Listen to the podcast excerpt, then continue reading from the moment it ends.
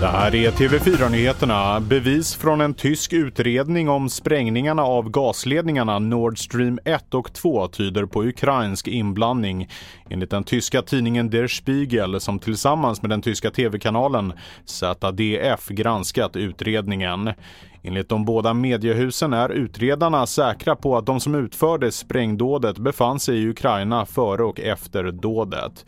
Motivet var enligt internationella säkerhetskretsar att beröva Moskva en viktig inkomstkälla för att finansiera kriget i Ukraina samt att förstöra ett av Putins viktigaste verktyg för att utöva påtryckningar på Tyskland, skriver Der Spiegel.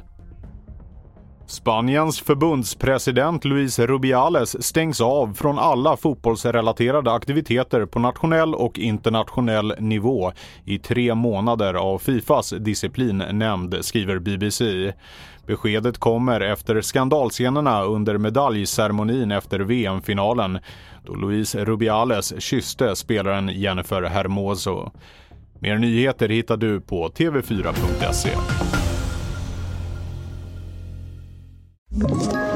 Ett poddtips från Podplay.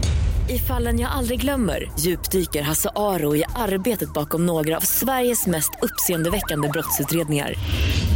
Går vi in med hemlig telefonavlyssning och, och då upplever vi att vi får en total förändring av hans beteende. Vad är det som händer nu? Vem är det som läcker?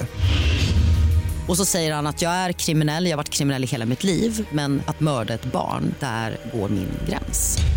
Nya säsongen av Fallen jag aldrig glömmer på Podplay.